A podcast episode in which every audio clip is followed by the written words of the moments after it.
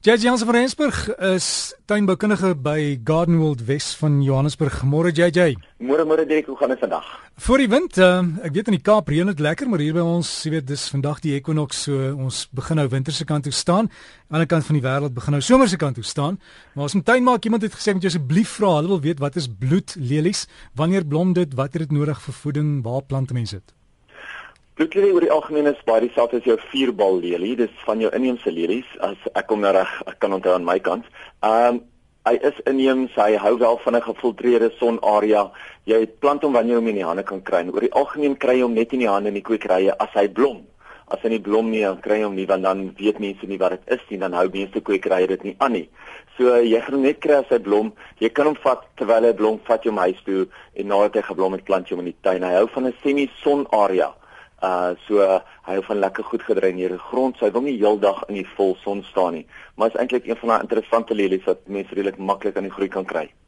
JJ iemand sê ek moet jou asseblief vra skalk sny maar hy het gesê mense sê vra vir JJ ek moet bome naby 'n muur plant. Wat kan 'n mens plant? Kiepersol, Yucas, die Adamsnaal, die Cordyline. Waaierpalm gaan dit die mure breek of nie?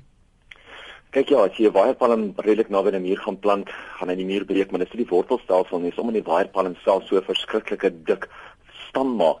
Een van daai bome wat ek heeltemal sou wegbly van die mure af, sal definitief jou kiepersol wees want hy maak 'n verskriklike sterk wortelstelsel wat baie vinnig groei. En weer, jy weet 'n ou moet maar regtig gaan kyk na wat se tipe grond het jy? Uh wat se area bly jy en hoe groot wil jy eintlik hier daai bome moet groei? Dit deesdae ook as jy kyk na baie van hierdie komplekse, bou hulle hulle so vinnig dat daai mure staan ook maar net op genade jy weet dan planere ou baie maklike bome of 'n struik wat langs van hom staan, maar dit is regtig net die mure self is baie swak gebou. So maak maar seker wat, wat jy wil hê wat daai boom vir jou moet doen voordat jy hierdie boom gaan koop. Want as jy wil hê dat jy sê 4, 5 meter skerming moet kry, gaan dit logies nie 'n boom moet wees wat 10, 15 meter hoog word nie. En ook as jy in 'n baie koue area bly, moet jy nie 'n boom vat wat nie van die koue hou nie. Wil jy iets hê wat wel immergroen is, wil jy iets hê wat bladwisselend is, want onthou, immergroen gaan vir jou in die winter ook skade wie aan daai kan gee. Wat nie noodwendig altyd 'n goeie ding is nie. Jy weet, dit kan jou huis baie maklik baie koud maak. Dit kan jou tuin baie koud maak. Dit kan net ekstra baie skade weer gee wat jou tuin baie nat gaan hou. Jy weet, so maak maar net doodseker wat soek jy uit hierdie boom uit voordat jy die boom gaan koop.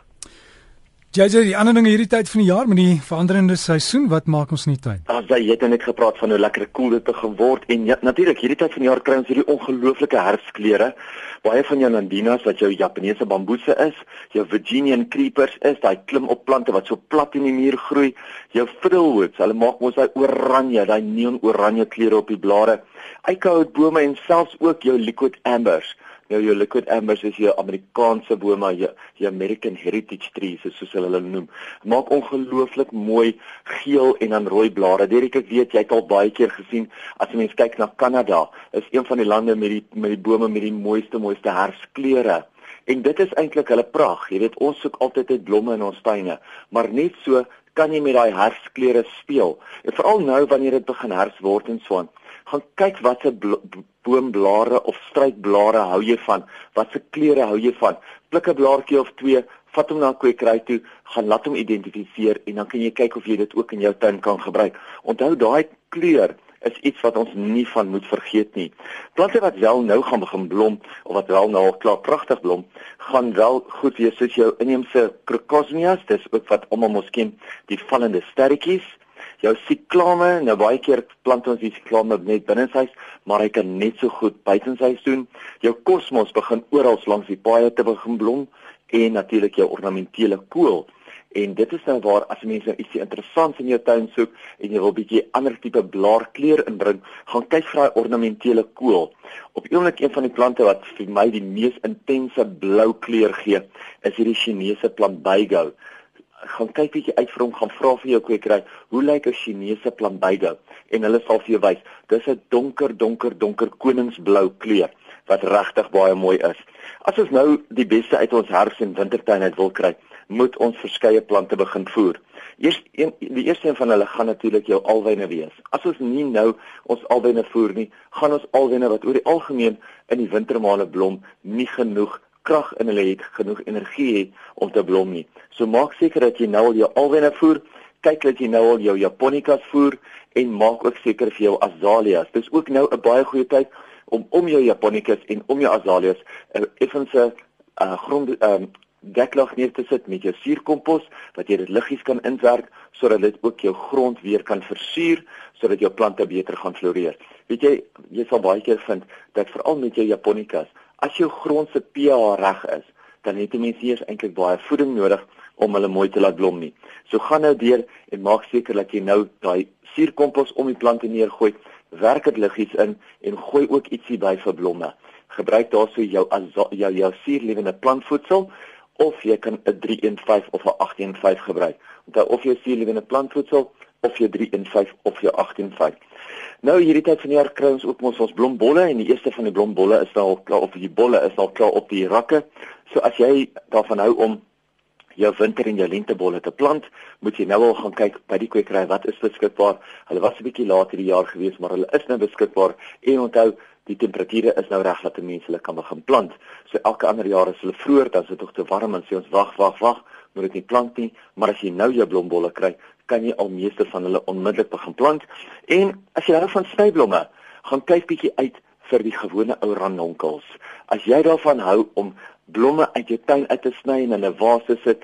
Onthou, jou ranonkels is een van daai hoe meer jy hom sny, hoe meer blom hy. Maar saam met dit moet jy hom ook lekker baie voer sodat hy genoeg energie het om heeltyd nuwe blomme te kan produseer.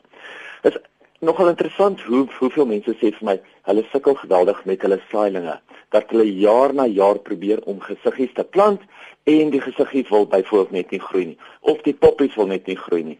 Nou onthou dis baie belangrik as jy jaar na jaar dieselfde ding plant om eerder ietsie anders te plant wat wisselbou is sodat die plante nie dieselfde grond die hele tyd die dieselfde kos die hele tyd uit die grond uittrek en dat die plante eintlik daarmee sukkel nie.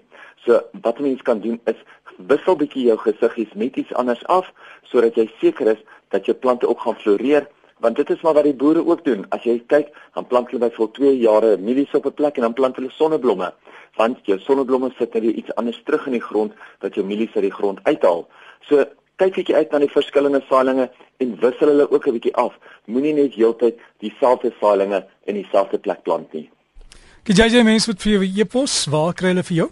Hulle is welkom om my e-pos te stuur na jj@gardenworld.co.za. Dis net jj by gardenworld.co.za en net so vinnig voordat ek gaan vir die jonger klomp, onthou een van die dae is dit deur ons paas jag of ons paas haas en die paas skattekussen wat ook al alles hier by Gardenworld. Onthou dit gaan nou die Sondag en die Maandag die 15 6 April wees. Kan jy glo die paas naweek is al klaar, die klaar weer hier nie. En ek seker JJ sal vir jou daai inligting ook op hulle Facebook sit. Dit is Garden World Nursery. Gaan soek maar net daarvoor of gardenworld.co.za as jy by internet wil kyk. En lekker tuin maak. Hoop jou tuin lyk fantasties.